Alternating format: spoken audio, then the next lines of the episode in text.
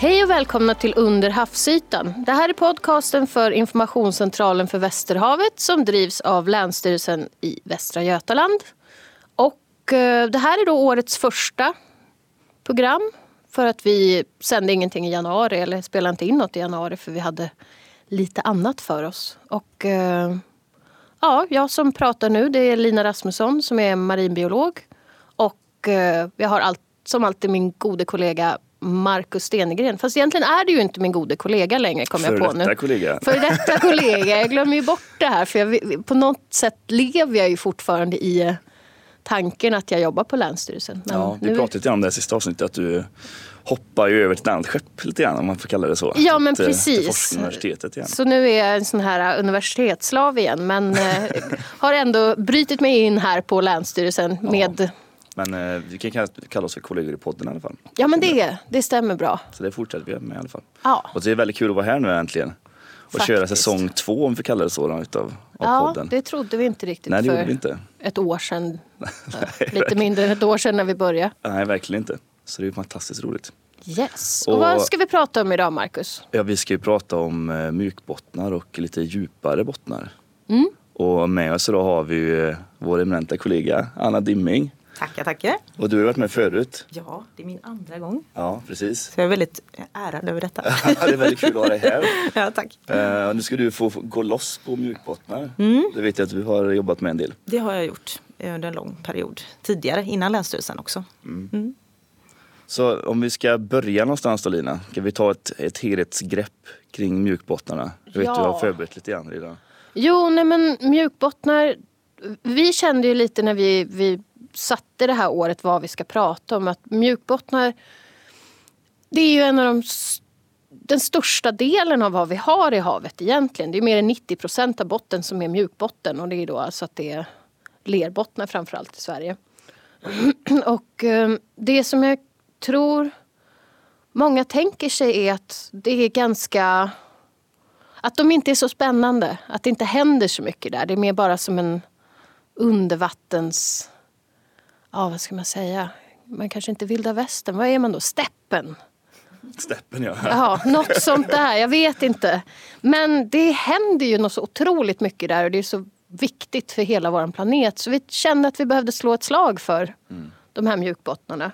Jag tänker lite grann, jag ser mjukbottnarna, man pratar mycket om att det, det, är lite svårt att hålla koll på vad som händer i havet för det händer under ytan. Ja. Och det ser vi inte så mycket kanske alltid. Men sen kommer vi till mjukbotten då, då är det ett steg till. Då är det en yta och sen händer det saker under ytan i mjukbotten också. Så det är två lager av, av spännande saker där. Du har både vattenkolumnen över så har du mjukbotten då, mm. sedimentet. Mm.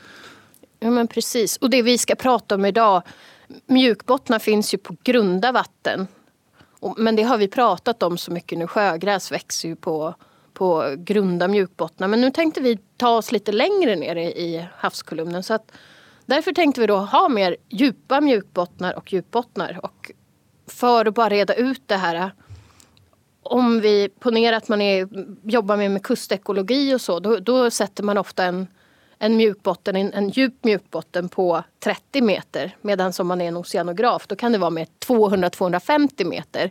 Så att det beror ju lite på vem man är och vad man pratar om. Men ofta är ju de här bottnarna att det är så pass djupt ner att ja, solens strålar når inte ner. Det är svårt med fotosyntes. Man hittar inte så mycket um, ja, man hittar inget direkt växtliv. Rödalger klarar sig ofta långt ner liksom, för de har ju pigment för att klara, eh, klara det ljuset då som kommer så långt ner. Ja, precis. Men vad, vad har vi för djup när vi pratar nu då, djupt i Västerhavet? När vi pratar det absolut djupaste eller helt allmänt? Ja, både och jag tycker jag är spännande att veta. Pratar man botten så pratar man kanske mellan 20 och 40 eh, meter oftast när man i alla fall provtar mjukbotten. Mm. Eh, så däromkring brukar man väl ligga i så fall om man tittar på den kustekologernas djupa bottnar. Ja. Mm. Men om vi tänker det absolut djupaste, hade du någon input där Marcus på? Den säger man ju alltid. Men ja. Eh, någon exakt siffra det har jag inte. Det var väl ungefär 200, drygt 200 meter. Har du, mm. en, en djuphåla i Gullmarsfjorden också ja, som är på en 119 meter. Ja. Också mjukbotten. Mm. Och sen så om man tänker att djupbottnar är en sak men sen finns det ju också något man kallar för djuphav. Men det är ju en, det är ju en annorlunda um, term för att det är ju mer att det är det djupa havet då som man förstår av ordet, annars vore det ju korkat. Men, eh, men, men det är ofta zoner som är utanför någon nationell gräns och djuphavet är en väldigt stor del av biosfären. Mm. Men det är också, alltså det, det är då ett område som ingen riktigt äger och det är ofta stora problem med lagstiftning och sånt med just de här djuphaven. Mm. Men så att djuphav är en sak, djupbotten är en annan. Men det kan ändå vara detsamma med, alltså att ett djuphav kan ju gå ner på 4000 meter eller vad det nu är. Ja det är ännu mer. Ja, det är ännu mer. Ännu ja. mer. Ja. 22 meter eller något sånt där va? Vad sa du nu? Marianergraven. Ja. Är det 11? Är det 11? Jag trodde det var ännu mer. 11, förlåt 11, äh, ja 11 11 000 ja. Alltså det här låter ju som en riktig bingogissning. Ja, här. Kan inte jag få kasta dit, in något? Så det där var ju långt ifrån. Då säger jag 16. Ja, Då får vi se vem som vinner. Vi inte, dit ska vi inte Nej, vi ska sen, inte ta så djupt ner eller långt bort. Men, men, men för att fylla i det då, om man, om man tittar på, på liksom de, de djupa haven som menar utanför kontinentalsockeln så drar man ut alla de här djupen då, de djupaste punkterna eh, över ett medel så hamnar vi på ungefär 4 500 meter. Mm. Det innebär som att skulle vi slå ut medel så ska det ha varit 4 500 meter djupt ut i Göteborgs hamn. Mm. Det sätter lite grann i perspektiv och relation till hur mycket av den här biotopen, det här det habitatet som faktiskt finns ute i haven och det är, det är mm. vansinnigt egentligen. Mm. Ja. Och det är ju det som är just med om vi fortsätter bara lite till på djuphaven fast vi egentligen inte har de här djupen i Sverige. Men men det är ju att vi vet ju nästan ingenting om det här. Det kan ju vara forskare som är ute varenda gång de är ute och gör en forskningsexpedition så får de bara upp drösvis med nya arter som är eh, som då är nya. Ja, helt nya. Helt nya för mänskligheten. Helt galna grejer som lyser och blinkar. Det är värre än om man är inne på BR leksaker. Och vi kanske inte får göra reklam i podden. Vilken leksaksaffär som helst. Så ja. Men Lite så. Det du sa förut just det att eftersom inte mjukbotten, de har ju inte något ljus där nere så är de ju väldigt beroende av den näringstillförseln som kommer mm. ovanifrån. Eh, och, eh, och, då, och det, vi har en väldigt hög artdiversitet i de här mjuka bottarna som då finns längs västkusten. Mm. Men om vi då går lite tillbaka då till, till våra djupbottnar och mjukbottnar här på västkusten. Och lite så som du har jobbat med Anna. Mm. Vad, vad, är, vad är det du har jobbat framför allt med? Eh, framförallt så har jag jobbat eh, och artbestämt alla de här arterna som finns då i mjuka bottnar. Eh, och det gjorde jag innan Länsstyrelsen så jobbade jag då på Göteborgs universitet och då tittade vi då på, på artsammansättningen av eh, olika typer av bottnar eller olika Ehm, bottnar på, längs västkusten. Eh, för man kan då se på bottenmiljöns kvalitet genom att titta på de här arterna. Eh, och sen då när jag kom börja på Länsstyrelsen så har jag hållit i programmet, delprogrammet Kust och hav och då har vi jobbat eh, med att liksom samordna då övervakningen av de här bottnarna kan man säga. Och då har jag fått hänga kvar lite i den världen, vilket är roligt när man får se en artlista lite då och då när man sitter på kontoret. När man inte får se dem live själv. Eh, så att jag har jobbat mycket med bottnar och som jag sa till er innan så när jag väl jobbar med det väldigt intensivt, då fick jag aldrig prata om det. Det var aldrig någon som var intresserad av mjukbottnar. Och när ni sa, ska ni prata mjukbotten? Så var jag inte svår att övertala. Så kan man ju säga. Nej, Nej. vi behövde inte ens muta med semla. Nej, inte något. Nej. Uh, men uh, då man pratar om faunan fauna då, alltså djurlivet eftersom vi inte har ett sånt eh, växtliv där. Så, så, vi kommer hålla oss till faunan, alltså djuren som finns eh, nere på mjukbottnarna. Vi har redan bytt av äh, ålgräset var vi tydliga med. Ja precis. eh, det, det, det, ska vi det, det, lägger vi åt sidan ett tag nu. Eh, men då tänker man lite med som du sa, det, det är massa olika arter men också botten, eller hur den här artsammansättningen är gör ju att det blir olika typer av eh, bottnar helt enkelt, eller bottensamhällen. Mm. Och eh, jag har något att säga om det liksom. Vad, vad, vad, kan man säga om ett visst bottensamhälle, vad betyder det? Kan du ge några exempel på, på bottensamhällen? Mm. För det första kan man ju säga att många av de här arterna är väldigt viktiga för att syresätta sedimentet. Och det är ju därför också det finns grävande djur och det finns de som ligger lite mer på ytan. Epi då, bentos brukar man säga, de inte ligger i. Bentos som är liksom i leran. Och sen finns det de som eh, sitter still, det finns de som rör på sig. Så det finns en viss eh, en liksom syresättning av bottnarna på olika sätt. Eh, och eh, vissa samhällen då kan man väldigt se, lätt se om det är ett, ett, ett, eh, en artsammansättning som till exempel har många tåliga arter. Eh, kanske finns en, har viss, viss syrebrist och då ser man också det på artsammansättningen, vilka arter som finns där. Eh, vilket ger också då att man kan ganska snabbt se på en artlista för att se att men den här botten, det här området där man har tagit prover, här har, är det ganska stört. Här har vi ganska mycket näringstillförsel till exempel. Mm. För bottenfaunan eller arterna reagerar ganska snabbt på ökade näringsbelastning eller minskade syre, ja, det hänger ihop oftast då, men minskad syresättning då. Mm. Så att, eh, det beror lite på vad man är. Det finns ju, man brukar prata om eh, eh clay och silty clay och silty silty clay. Alltså man har olika lite referenser på lerbottnar. För det kan vara lite inslag av sand eller det kan vara inslag av lite mer eh, grövre lera. Om man säger så här. Så då beror det också lite på vilka arter som bor där. Då. Mm. Och... Um hur den här typen då av, nu hoppar jag lite sådär, men bara för att du var inne och, och pratade lite om det. Man kan ju använda det här i miljöövervakning och just använda den här artsammansättningen och hur många individer man har för någonting som kallas för BQI. Mm. Skulle du kunna förklara det lite? Var? Ja, men det kan jag göra. Eh, man har gjort det innan i alla fall. Eh, just att man tittar på statusen genom att titta på det här indexet. Och indexet består då av eh, artsammansättningen och det är liksom proportionen mellan tåliga och känsliga arter. Det är antal arter och det är även då antal individer eller ambulansen. Och där, där liksom det viktigaste i det här indexet är, är just eh, proportionen mellan tåliga och känsliga arter. För alla de här arterna har man satt ett känslighetsvärde på. Så man har en art som till exempel eh, är duktig på att finnas eller klarar sig bra ska jag säga, i låga syrehalter eh, så har de ju, de är ju väldigt tåliga. Eh, då har de liksom ett lågt känslighetsvärde. Och har man då en art som är väldigt känslig, många krustaceas och kräftdjur är oftast känsligare än andra arter. Eh, de kan också fly naturligtvis när syrehalterna minskar. Då. Eh, men då får de ett högst, högt känslighetsvärde. Så att då kan man liksom se också proportionerna. Eh, och har man till exempel en väldigt hög tillförsel av näringsämnen. Det kan vara utanför något slags eh, reningsverk eller någonting annat. Eh, då kan man också se de här när det blivit större, högre eh, proportioner av näringsämnen, kväve, fosfor, hur då vissa arter blommar upp. De, får liksom, de är opportunister då kan man säga. Eh, och de kanske, är, de kanske inte är så tåliga eh, alltid om man säger, men de är väldigt duktiga på att ta hand om näringen och öka jättemycket. Och då kan man få en väldigt liten en fördelning där man ser att artsammansättningen består av jättemånga av de här. Till exempel en av mina favoritarter, Scalibregma inflatum.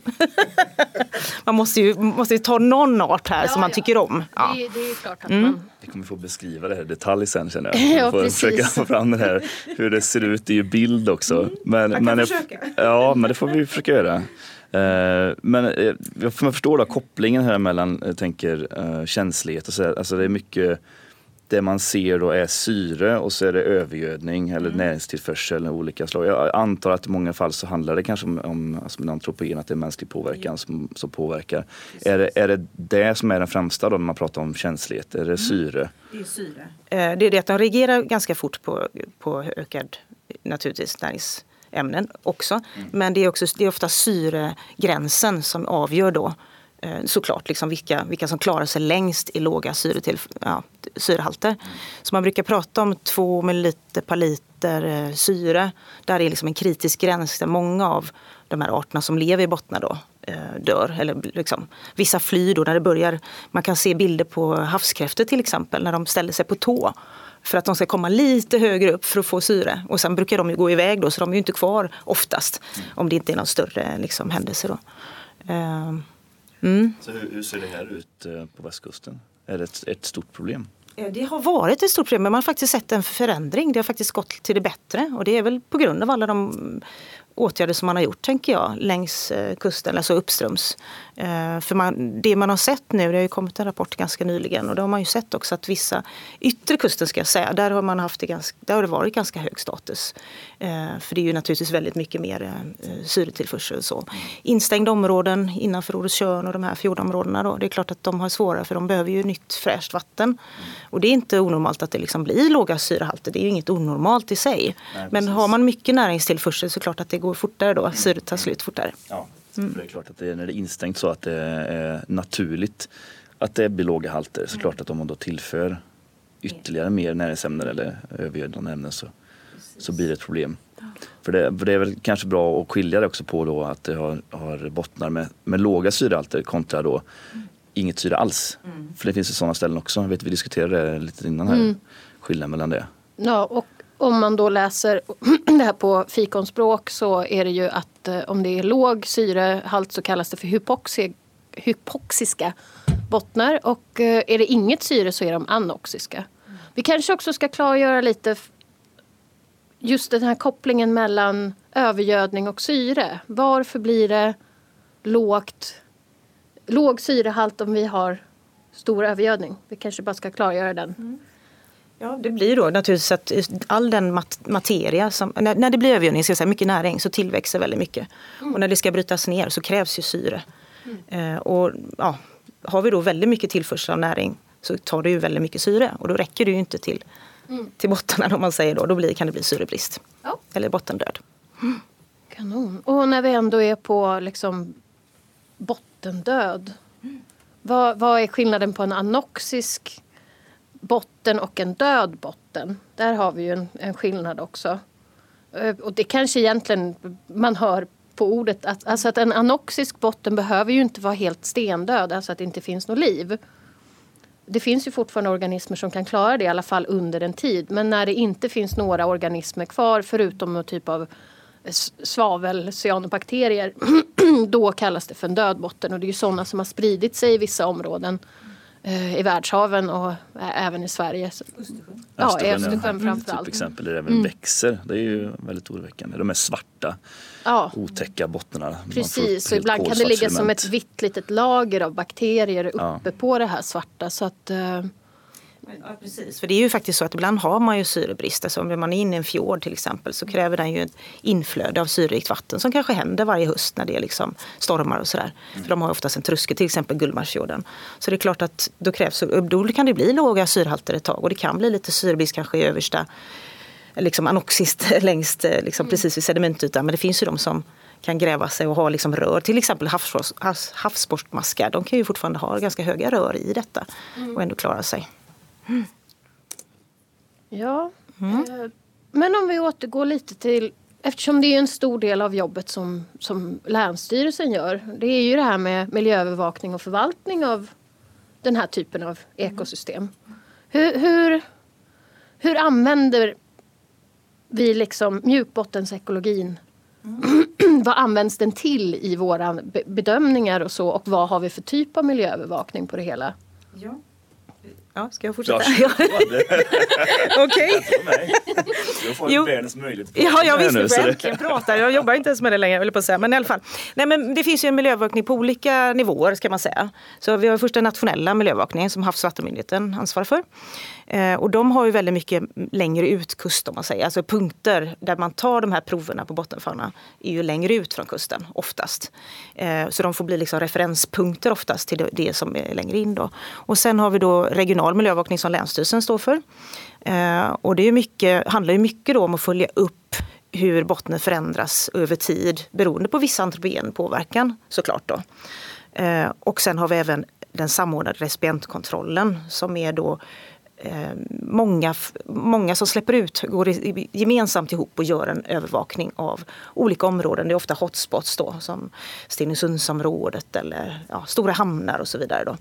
Men även då längs kusten. Och det, tillsammans då så har man ett gemensamt program där man provtar alla de här delarna. Där man då får de här mest påverkade områdena tills referenspunkter. Eh, och det här materialet används då, då använder man BQI som vi pratade om innan, det här indexet för att klassa då varje station eller varje, varje område ska man säga. Eh, och har den då kanske ett väldigt lågt BQI så vet vi att där är, mår bottnarna inte så bra. Och har man ett högt BQI så vet man att de mår mycket bättre. så man kan ganska tydligt se då eh, med hjälp av bottenfaunan ska jag säga. Och med andra parametrar naturligtvis. Men det här är en av delarna som man kan titta på för att titta på eh, hur bottnarna mår eller hur kusten mår helt enkelt. Mm. Mm. Ja, och det kan vi lägga till också att de här djuren faunan då i bottensedimenten framförallt, de är ju väldigt stationära så de är ju på, på plats så att säga. Mm. De har inte samma, du, du pratade om kräftdjur, de, de kan ju mer ta sig därifrån. Om man pratar om fisk som är uppe i vattenkolumnen, de kan ju ta sig, ifrån, ta sig ifrån ett eh, område där det är hög belastning eller lågt syre. Men de här som är nere i botten, de har ju inte samma möjligheter. Så därför är det ju en fantastisk möjlighet att kolla på de här artsammansättningarna och framförallt över tid. Mm. För att få för att se hur det har ändrats. Mm. Både de till det värre. Ofta ganska långlivade också så ja. de visar ju någonting under, det, liksom under en längre tid. Där då. Mm. Och då kan man följa det både vad som har blivit sämre och vad som har blivit bättre. Mm. Och som du sa, det är ju glädjande att det har blivit bättre. Mm. mm. Så ja, det är ju... Jag kan säga också att just det här sättet man har tittat på bottenfall har man gjort under väldigt lång tid. Så det är ju en av de bedömningsgrunderna som man pratar om som man har använt längst på västkusten faktiskt. Mm. Mm. Jag förstår att det är ganska många och långa tidsserier på mm. olika ställen. Ja. Hur, hur, långa pratar vi ungefär? I början av 1900-talet har vi ju ganska många, just runt Kristineberg naturligtvis, ja, uppe i Gullmarsfjorden. eh, men även vi har Saltkällefjorden där uppe, där har vi ju väldigt bra tidsserier. För ibland kan det ju naturligtvis variera med ja, att man kanske inte har alla år och så. Men från 60-talet och framåt så har man ju väldigt bra tidsserie. Och det gör ju också att man kan se den här förändringen över tid eh, på ett annat sätt då. Mm. Än att man bara börjar med några nedslag såklart.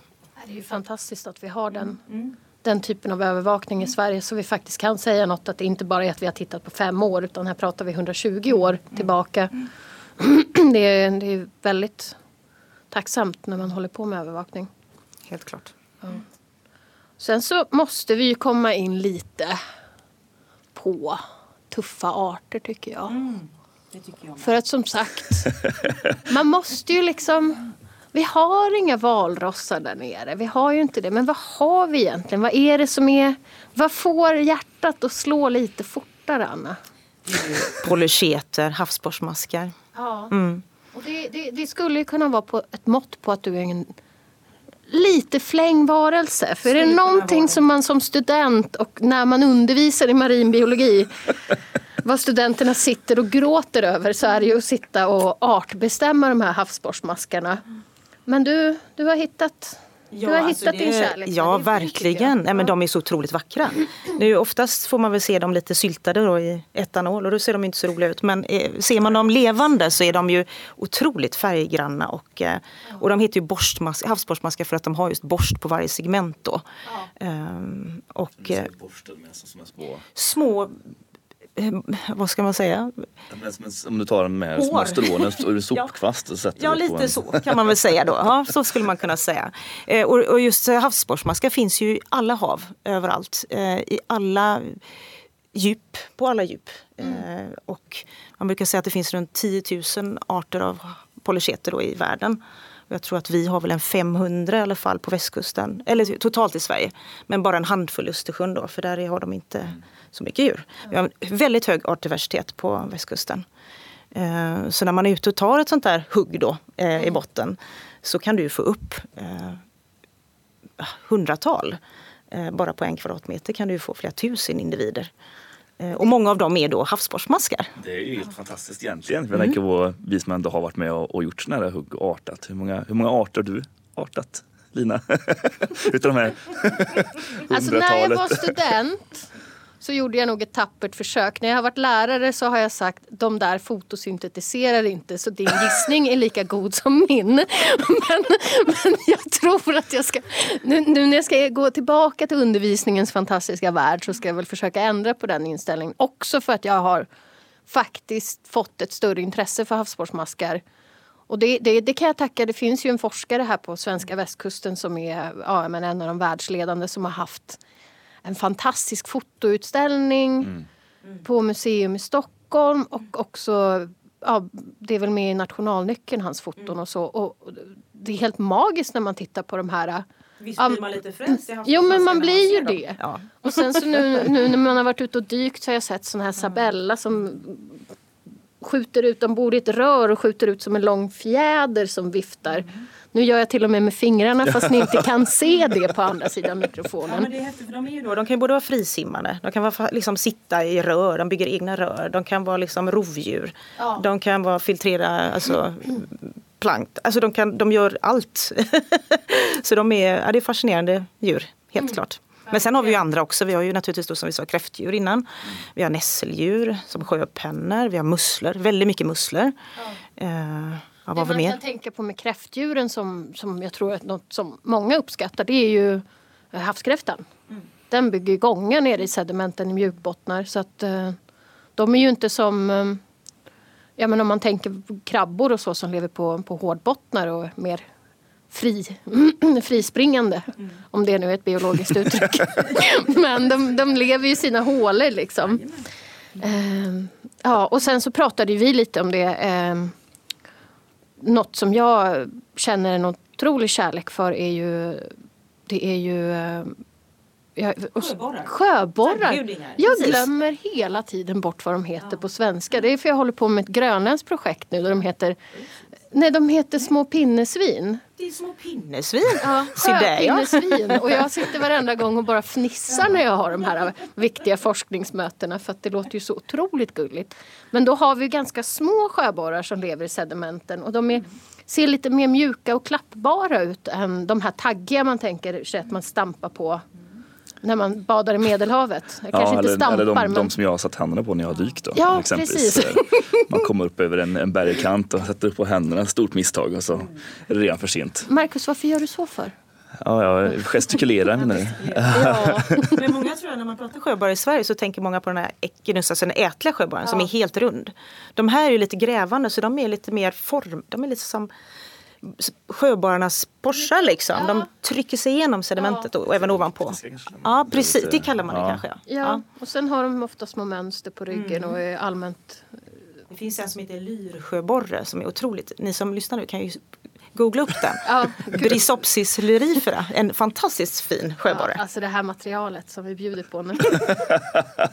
Sen har vi lite större grejer. Eh, jag, om vi tänker fisk så tycker jag ju att marulken är en... Ah, det är väl ändå en, en fisk av rang. Alltså, den har ju också när den lever, den kan ju leva ända ner till 300 meter och uh, blir ju hyfsat stor. Men de har ju liksom som en liten attrapp längst fram som ser ut som en liten lykta.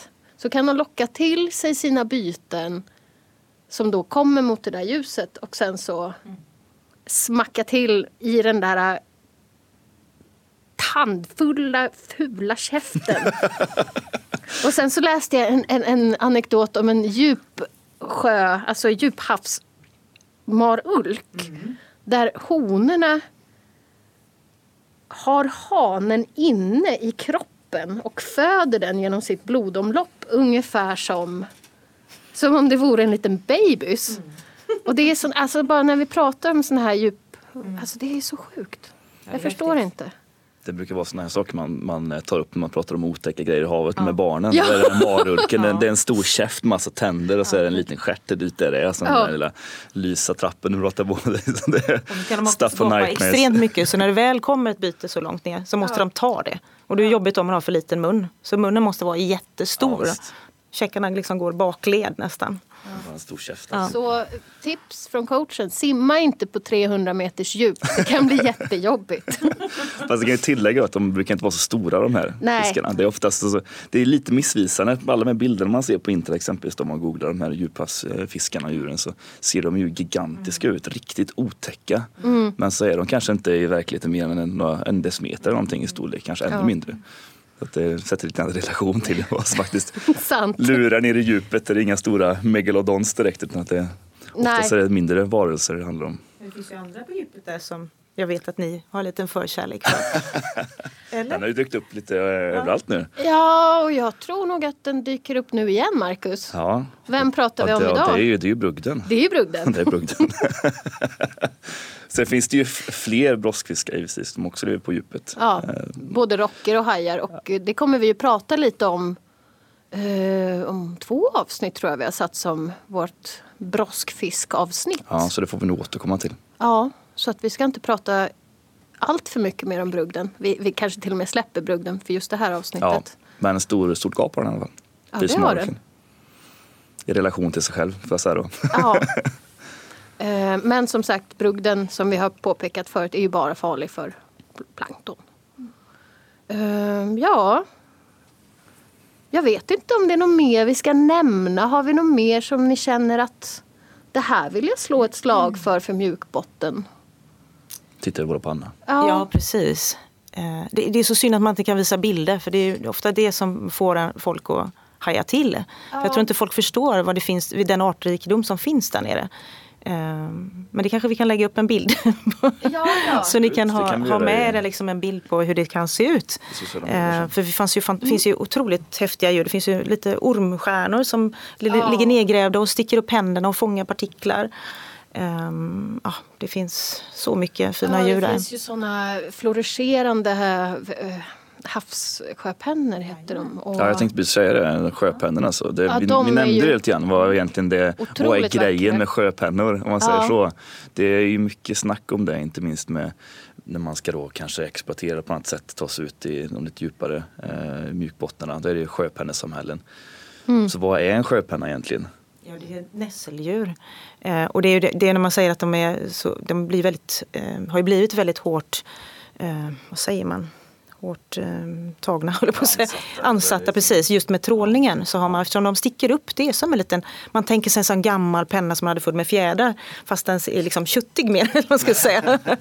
eh, och sticker ner då i sedimentet. Mm. Eh, och det är klart att kommer en trål där då så kapar den ju den. Och så, den har ju nu fått, jag tror att den är ganska den har ett väldigt högt skyddsvärde ja, i alla fall. Natura 2000 ja. habitat. Precis. Så det, det är skyddat. Och det är därför också som du säger när man ska exploatera så är den ju väldigt, då vill man ju veta om den finns där mm. eller inte. Ja precis.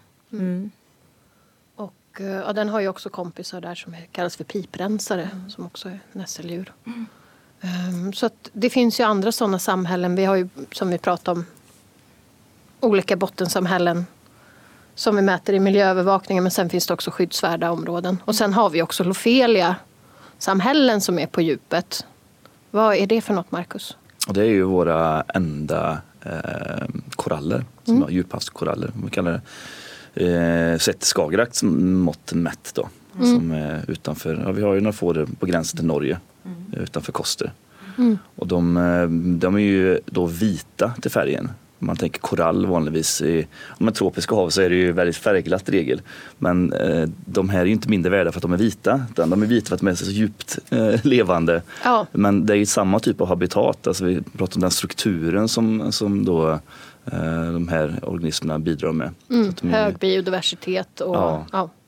Så att, eh, och det är ju någonting man har sett också. Det går ju att mäta som mycket annat. Mm. Och, eh, så det är ju, men det vet jag inte om, om vi ska djup djupdyka i så mycket nu kanske. Det kanske blir någonting att återkomma till nästa gång vi är på Koster. Jo men precis, det. för det hoppas vi på att vi får göra ett besök där. Mm. För de har ju ett restaureringsprojekt där uppe. Ja, det, här, det vore ju jätteintressant att höra med Jag gillade också din djupdykningsreferens där. Ja visst. Ja. ja. men med den lilla referensen kanske vi ska ta och knyta ihop säcken för idag. Om ingen annan har något att säga till om. Nej, jag är bara väldigt tacksam att ni ville prata bottenfauna en stund med mig. Vi kan nog hitta på något mer eh, ämne som, som kan intressera en och annan som du kan hoppa in på. Men eh, ja, mm, vi tackar så himla mycket för den här gången och eh, återkommer med ett nytt avsnitt ja, om en månad ungefär. Mm. Och ja, har ni några frågor eller så så får ni gärna kontakta podden på Informationscentralen för Västerhavets Facebook-sida till exempel. Där finns vi. Där finns Alltid vi. tillgänglig. Mm. Och med det så säger vi hej då och må så gott. Tack och hej.